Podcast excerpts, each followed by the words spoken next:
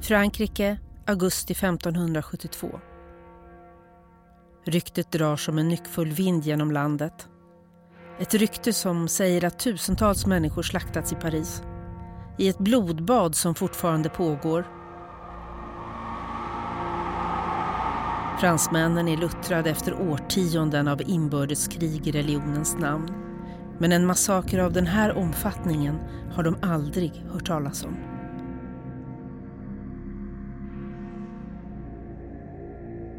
Snart bekräftas de fasansfulla påståendena av de få som lyckats fly undan massmorden. Målet verkar vara att lemlästa och döda samtliga protestanter som vistas i huvudstaden. Hur kunde detta ske? Bara en vecka tidigare har gäster strömmat till Paris från hela Europa för att få vara med om sin tids största fest.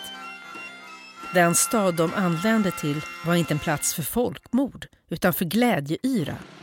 Karnevalstämning rådde och det franska hovet hade inte sparat på något. Till gästerna hörde ett stort antal protestanter från olika länder. De hade vågat sig till Paris trots den stenhårda katolska regim som rådde och religionskrigen som rasat i decennier. Frankrike regeras av den 22-årige Karl IX. En sjuklig och mentalt instabil kung som till stora delar tvingats förlita sig på ett par av de mäktigaste katolska familjerna men även på sin mor, den kraftfulla drottningen Katarina av Medici. De har nu tillsammans lyckats förespegla hela sin omvärld att ett kungligt bröllop ska hållas som en akt av försoning och som ett sätt för att få slut på krigen. Såväl katoliker som protestanter hörsammar inbjudan och beger sig till festligheterna som äger rum i Paris i slutet av augusti. De flesta av de protestantiska gästerna kommer aldrig hem igen.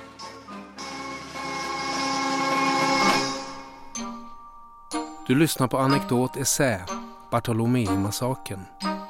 Skriven av Anna Karlstedt, inläst av Magdalena Indibeto.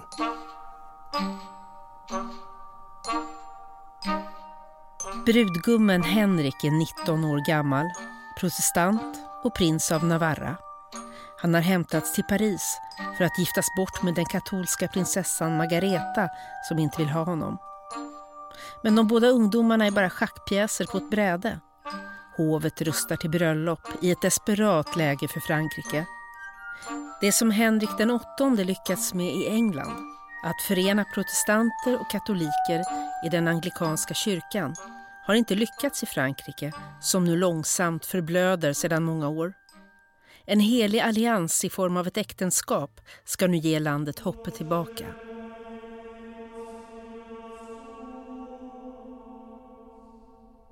Brudparet förs till Notre Dame-katedralen i hjärtat av staden. Och när den fyra timmar långa mässan är över är det dags att fira. Festen är ett välkommet avbrott i parisarnas elände. Krigen har tömt statskassorna. Pestepidemier och flera år av missväxt har satt fruktansvärda spår hos befolkningen. Nu finns det plötsligt bröd och skådespel.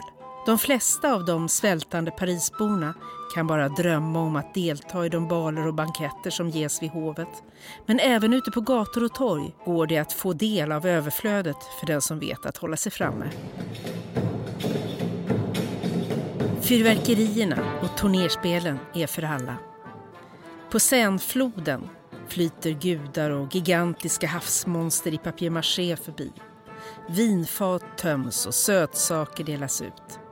Brudens mor, drottning Katarina, kommer från Italien och har gett order om att hela hovet, utvalda invånare i Paris och alla de tusentals tillresta gästerna ska få roa sig som i Florens. Hela den sargade staden vänder på dygnet i den bakantiska yran. Människor sover på dagarna och festar på nätterna. Om protestanterna till vardags tillämpar de strikta levnadsregler som Calvin och andra stränga reformerta ledare förordar tycks de flesta inte ha några problem att göra avsteg från dessa i Paris. Här råder Bacchus lagar snarare än Luthers.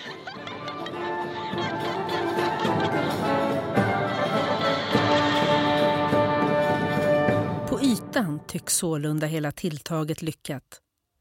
Bröllopet, som beseglar det symboliska avtalet mellan de båda sidorna i konflikten, har föregåtts av andra diplomatiska mått och steg. Protestanternas ledare, amiral de Coligny, har återupptagits vid hovet och flera viktiga handslag har gjorts. Snart börjar ändå parisarna ana att något inte riktigt stämmer. I ett av palatsen iscensätts under firandet ett mysteriespel enligt medeltida modell. Brudgummen Henrik och hans följe tvingas i pjäsen axla roller som kringirrande riddare. Efter döden bultar de på paradisets portar, men de blir inte insläppta. De himmelska härskarorna, anförda av den unge kung Karl den nionde själv och hans bröder, upplyser de stackars riddarvålnaderna om att de inte är välkomna eftersom de är kätterska, reformerta syndare. Som om detta inte räcker arrangeras sedan ett turnerspel på Lovrens borggård. Här kläs kungen och hans bröder ut till gudar ur grekisk-romersk mytologi medan prins Henriks kostym ska föra tankarna till en otrogen turk. Protestanterna finner sig förödmjukade. Samtidigt tycker katolikerna att deras ledare gjort allt för stora eftergifter som låtit den orena fienden strömma till Paris i tusental. Den 22 augusti, när Henrik och prinsessa Margot redan är gifta och bröllopsfestligheterna har pågått i fyra dagar inträffar något som tydligt vittnar om att saker och ting inte står rätt till. En lönnmördare, oklart på vems uppdrag, har fattat posto med en musköt i ett gallerförsett fönster i närheten av huset på Rue de Betsy som hyser protestanternas ledare amiral Gaspard de Coligny. När amiralen lämnar sin bostad avfyras musköten. Mordförsöket misslyckas. Kulan träffar bara Coligny i armen. Mördaren undkommer genom en bakdörr där en häst lägligt väntar.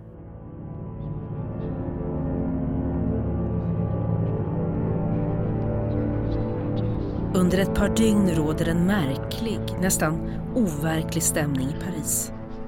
Det viskas om fler mord, som själva kungahuset sanktionerat. De flesta av stadens invånare vet inte vad som faktiskt har hänt och vad som är bara rykten. Dessutom är det många som helt enkelt inte bryr sig utan sorglöst fortsätter det hejdlösa festandet på kungahusets bekostnad.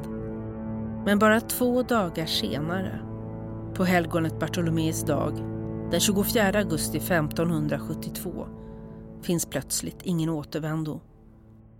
Och katastrofen är ett faktum. På det kungliga slottet Louvren sliter en milis amiralens viktigaste män ur sina sängar, avväpnar dem, släpar ut dem på borggården och skär halsarna av dem efter att schweiziska och franska garden stuckit sina lansar i offren. Ryttare ur livgardet anländer med order att söka upp amiral Coligny. Den protestantiske ledaren har flyttats till slottet efter mordförsöket och är sängliggande i sårfeber. Men han reser sig snabbt när soldater börjar välla in i hans rum. Det kungliga livgardet som skulle skydda amiralen vänder sig nu istället emot honom. För ett ögonblick hejdar de sig, alla, oavsett falang, har respekt för amiralen som alltid visat sig vara en modig och rättskaffens man. Det blir en berusad soldat som får den otacksamma uppgiften att sticka svärdet i den obeväpnade, sårade koloni. När amiralen är död slängs liket ut genom fönstret, ner på gatan och hamnar framför fötterna på hertig Henrik av Guise, katolikernas hjälte och kungens förtrogne. Han stampar på det sargade liket det är Henrik av Gis som har lett milisen till amiralen. Den är hertig, jämnårig med kungen, har rykte om sig att vara en osedvanligt grym fanatiker. Hans far var en stor befälhavare och redan vid 17 års ålder gick sonen i faderns fotspår och utmärkte sig i inbördeskrigen. Historier går om hans gränslöshet i strid. Sättet varmed han behandlar den djupt aktade amiralens lik är typiskt för honom och visar samtidigt att situationen i Paris börjar spåra ur. Men vem beordrade egentligen mordet? Efter Colinis död brakar helvetet lös. Efter mordet fortsätter slakten urskiljningslöst över hela Paris. Det finns flera ögonvittnesskildringar bevarade från tiden. En av de mest gripande är nedskriven av en reformärt köpman från Strasbourg. Han hade inte kommit till Paris för bröllopet utan för att göra affärer. Vi vet dock att han var god vän med hertig Philippe Louis de Anneau, en framstående protestantisk parisare eftersom köpmannen skriver att han var inhyst i de Anneaus privatpalats. Köpmannen nedtecknar sitt vittnesmål på väg hem när han lyckats ta sig ut ur den franska huvudstaden efter en veckas traumatiska upplevelser. Till sin fasa får han under resan tillbaka till Strasbourg uppleva hur dödandet sprider sig genom landet med nya massakrer i bland annat Meaux och Chalon-sur-Marne. Hans skildring börjar den 24 augusti 1572. Under dagen fortsatte dödandet. Katolikerna kändes igen på att de fäste ett litet kors vid hattbrättet. De var försedda med vapen medan hugenotterna i de flesta fall var obeväpnade. Man fyllde gatan och genomsökte alla hus där de visste att kättare var inhysta. Katolikerna drog fram och skrek att de handlade i Guds namn. De släpade ut protestanterna ur husen, slet av deras kläder, dödade dem och stympade dem. Man släpade liken ner till scen och vräkte kroppar och delar av kroppar i floden. Ingen tog någon notis om mig där jag stod i en port med min hund.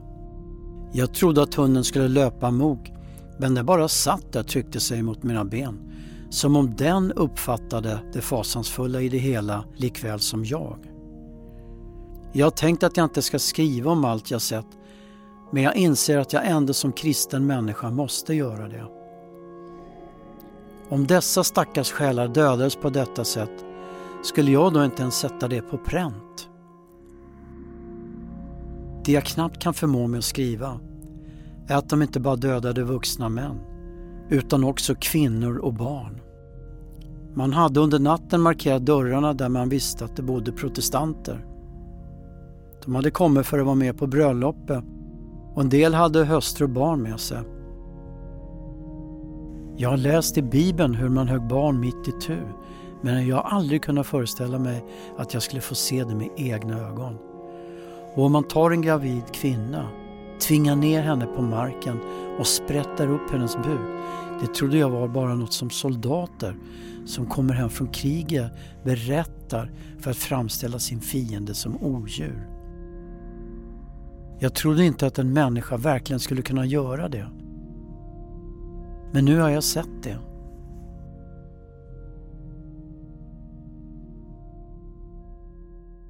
Frågan ekade genom Paris. Vem ligger bakom dessa illdåd? Enkedrottningen Katarina, kungens mor? Den ultrakatolska familjen Gis på egen hand? Hertig Henrik av Anjou, kungens bror? Eller den unge kungen själv, Karl den nionde? Den senare var vid tiden för mordförsöket på amiral Coligny två dagar tidigare fullt upptagen med att spela ett parti fjäderboll med vännen och intrigmakaren Henrik av Gis i bollhuset i Louvren. Så fort kungen nåddes av nyheten gav han åtminstone sken av att vara bestört, slängde ifrån sig racket och begav sig hem till den svårt sårade amiralen. Det var då kungen gav order om att hans eget livgarde skulle beskydda amiralen och att den sårade skulle flyttas till Louvren. Dessutom utlovade han en grundlig utredning av brottet. Uppgifterna om vad som därefter sker går isär i de samtida källorna. Men fram tonar en bild av att hertig Henrik av Anjou, kungens bror och närmast i tronföljden, slår klorna i den förvirrade och hårt pressade kung Karl Henrik som fyllt 21 är visserligen ett år yngre än Karl men är både mera mentalt stabil och mer ambitiös. De samtida källorna vittnar om hur Henrik försöker förmå Karl att göra rent hus med de otrogna och orena protestanterna. Henrik intrigerar, dessutom ständigt bakom kulisserna i maskopi med klanen Gis och kan mycket väl ha fått för sig att gripa tillfället i flykten för att försvara den heliga tron. Forskningen har varit oense om hur stor roll deras mor, Katarina av Medici, har.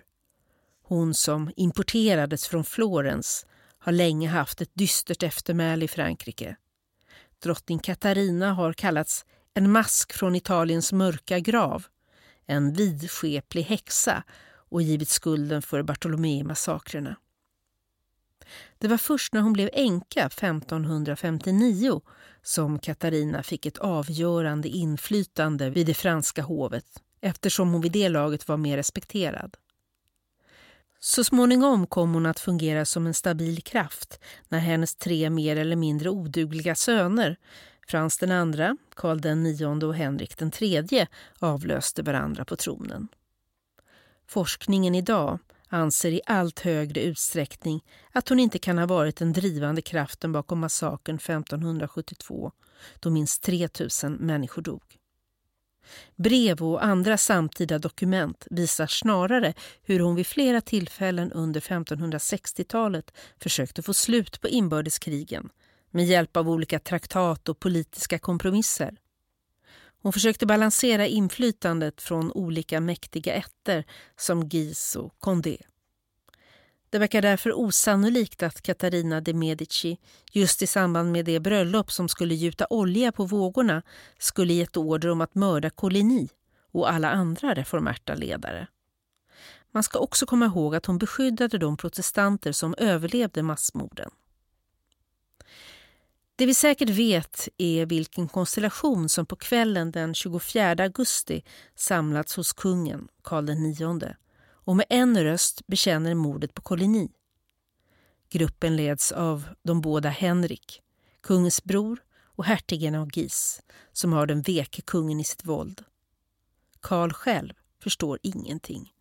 Han har ju själv umgåtts allt mer med den protestantiske ledaren under senare tid och trott att en fredlig lösning varit inom räckhåll.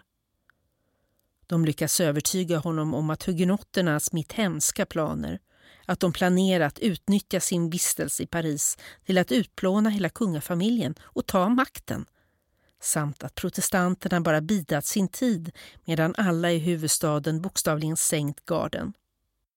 Avslappnade med hjälp av vin och alla lovande utfästelser om fred. Kungens bror och de katolska ledarna spelar vid det här läget på kungens välkända och totala oförmåga att fatta beslut och leda landet med kraft.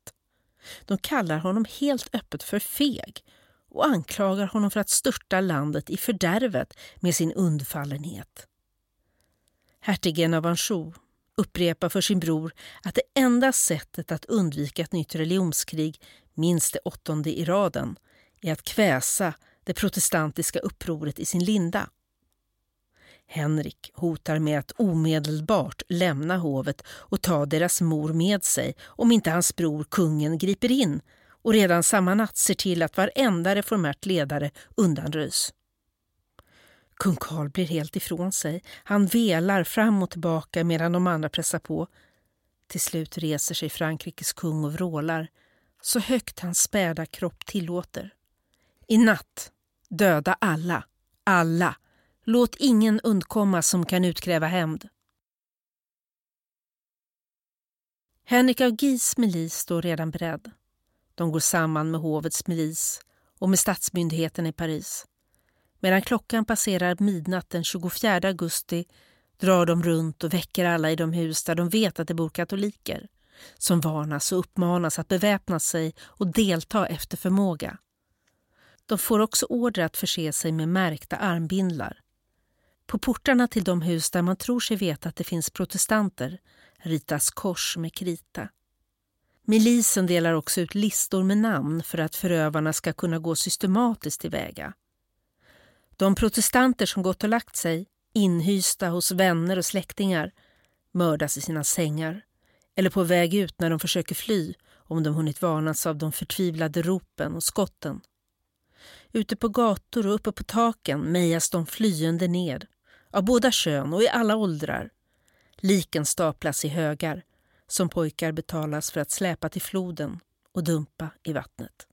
Protestanter som hållit till i utkanten av Paris men som redan nåtts av rykten kommer roende på Seine för att söka det beskydd som deras kung har lovat dem inför resan. De blir lättade när de får syn på medlemmar av kungens livgarde och försöker ta sig fram till dem. Men istället för att rädda dem skjuter soldaterna rakt mot dem. Kungen själv, som drabbad av vansinne, försöker skjuta prick på sina reformerta undersåtar från fönstren på Louvren som vetter mot floden. Nu genljuder stormklockor i hela Paris. Men vid halv fem på morgonen finns det fortfarande delar av Louvren dit nyheterna om det som pågår ännu inte nått. Slottet är redan under denna halva av 1500-talet enormt med sammanlagt flera kilometer av salar och korridorer. De protestantiska adelsmän som håller till i de inre delarna av slottet har ännu ingen aning om katastrofen. När de hör tumult som närmar sig tror de att deras värdar tänker bjuda på ännu ett nattligt upptåg som en del av firandet. När de får syn på de första knäktarna uppfattar vissa de blodiga utstyrslarna som makabra maskeradkostymer. De oförberedda offren sticks ner i sovrum, korridorer, trappor. De som försöker fly genom fönstren och inte slår ihjäl sig direkt av fallet sticks ner med pikar. När dessa illdåd väl är ett faktum beter sig kungen som om han medvetet inte bara iscensatt alltsammans utan planlagt denna slakt på sina egna undersåtar sedan en längre tid.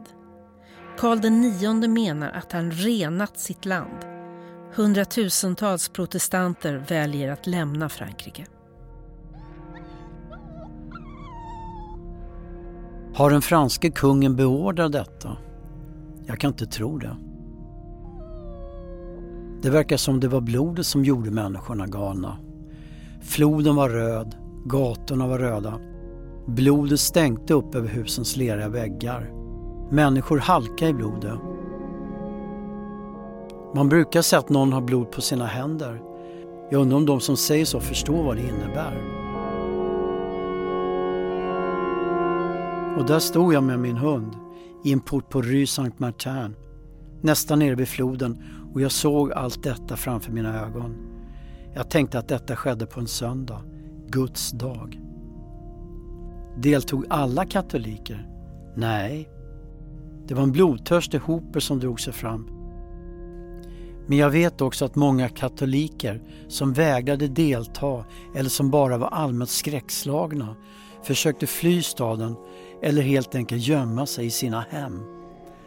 Många av dem hade dessutom protestanter inhysta hos sig. Drottningen hade ju proklamerat när hon talade till folket vid Tour Saint-Jacques att det stundande bröllopet skulle betyda fred mellan katoliker och reformerta. Därför fanns det katoliker som öppnade sina hem för hugenotter de kände. Ofta var de släkt och de gladdes åt dessa tecken på förbrödring. Vad som hände med dessa människor vet jag inte. Blev de också mördare? Blev deras hem plundrade? Redan på den första dagens kväll lyckades jag hämta min häst och ta mig bort till stadsmuren vid Port Doré. Mina papper var i ordning. De såg att jag var en köpman från Strasbourg som varit i stan för att leverera broderade tyger till bröllopet och man lät mig fara. Vakterna frågade mig inte ens om jag var katolik eller inte. Fast jag var lättad kändes det hela märkligt. Jag kunde lämna en stad bakom mig som måste ha liknat Jerusalems förstörelse eller plundringen av Rom och påbörja resan tillbaka till Strasbourg. Resan tog tre dagar och under hela den tiden ägnade jag mig åt två saker att oroa mig för överfall och att försöka tänka ut hur jag skulle beskriva det jag varit med om för min hustru och mina barn. Jag blev inte överfallen. Massaken pågick efter vad som sagts i Paris i tre dagar innan plundringen fortsatte på landsbygden runt stan i allt vidare cirklar. Tydligen var det först när det började gå rykten om att en del av protestanterna lyckats ta sig ur stan som han lämnade Paris och gav sig av till häst. för att söka upp dem och döda dem. När jag väl kommit hem märkte jag i stort sett ingenting av detta i Strasbourg. Man talade inte ens om det från predikstolen i katedralen söndagen därpå. Men å andra sidan, vad skulle man säga? Jag förstår inte hur det franska kungahuset ska kunna verka efter detta. Frankrike borde vara dömt till undergång. Jag kan inte sluta tänka på den unge prinsen av Navarra som kom till Paris för att gifta sig med den katolska prinsessan. Lever han? Och om han lever nu, hur ska han kunna överleva vid hovet? Vad ska den stackars mannen ta sig till? Jag har inte tänkt så här om någon, men nu tänker jag det. Gud förbjude. Det vore kanske lika bra att han var död.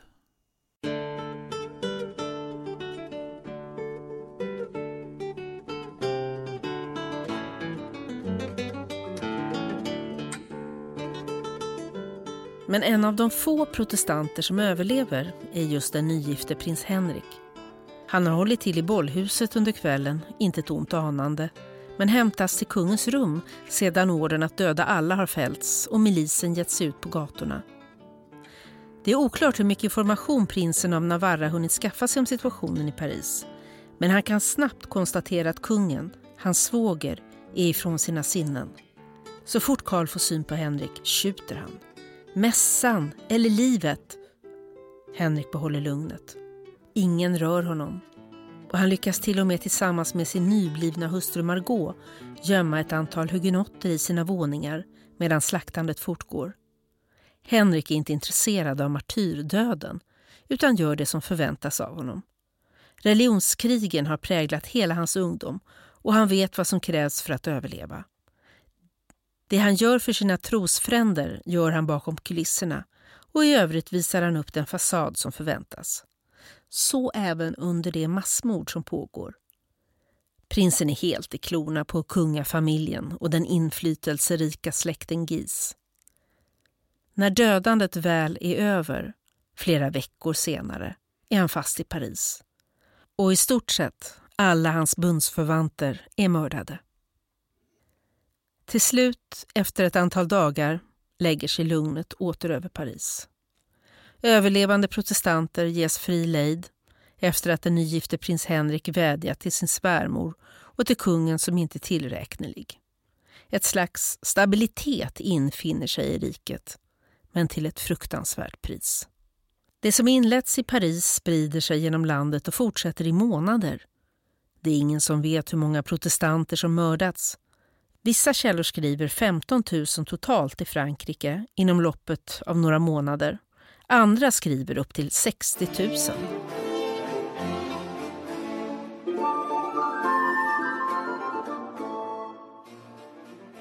Omvärlden reagerar på olika sätt. Filip II i Spanien, en djupt religiös tyrann som vigt sitt liv åt att värna den romerska katolska kyrkan, sägs ha skrattat högt när han nåddes av nyheterna.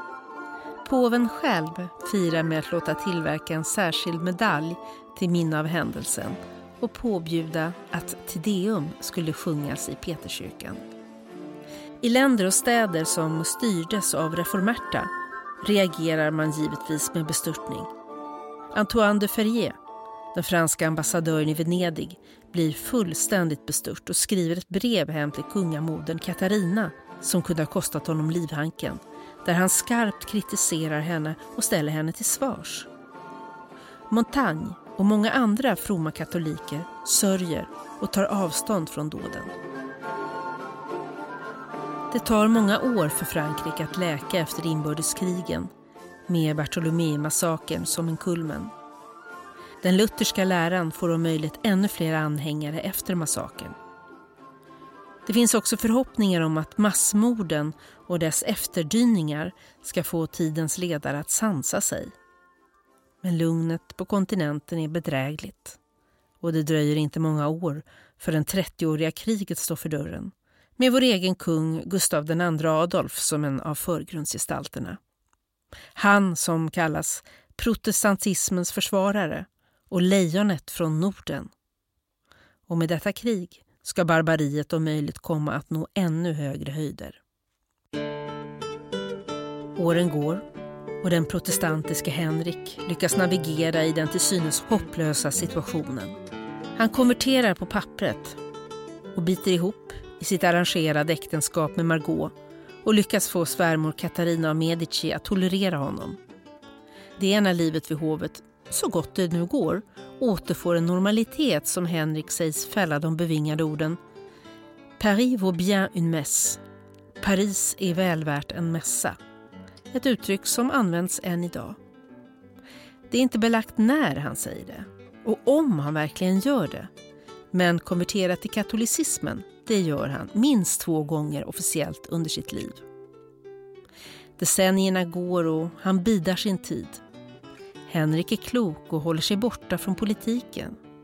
Istället rider han, fäktas, dansar, duellerar och jagar. Närmare två decennier efter Bartolomé-massakern blir så Henrik Frankrikes regent 1589 när alla Katarinas egna söner är döda.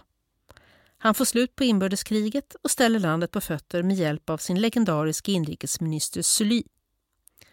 Tillsammans utvecklar de en framgångsrik strategi att bedriva handel med grannländer istället för att kriga mot dem. Men framför allt blir Henrik den första att få till stånd ett franskt traktat om religionsfrihet. Han älskas av hela befolkningen och 500 år senare hålls hans minne fortfarande kärleksfullt levande i Frankrike.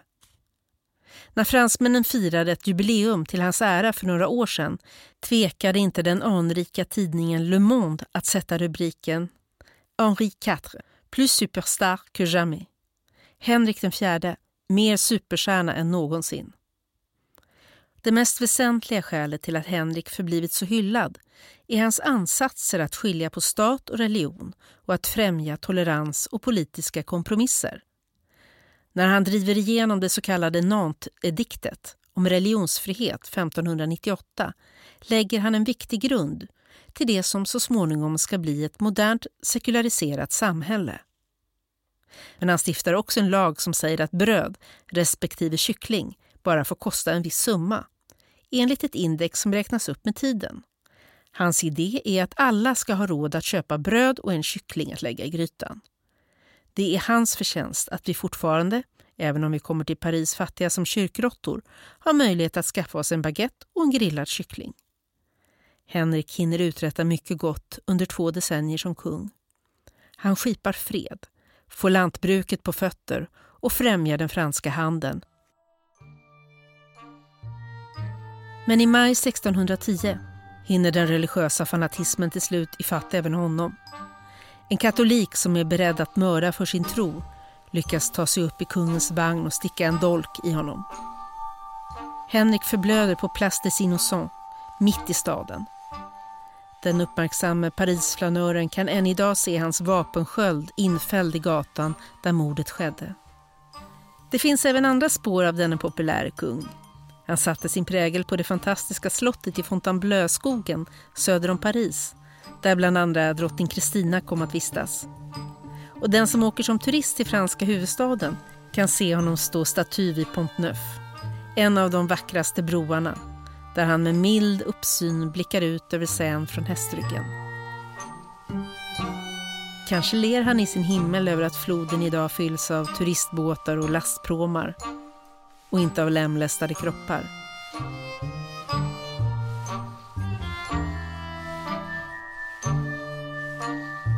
Du har lyssnat på Anekdot Essä, en del av bildningsmagasinet Anekdot. Musik Oskar Schönning. Regi Lars Indebeto. Producent Magnus Bremmer. Fler essäer, poddar och filmer hittar du på anekdot.se.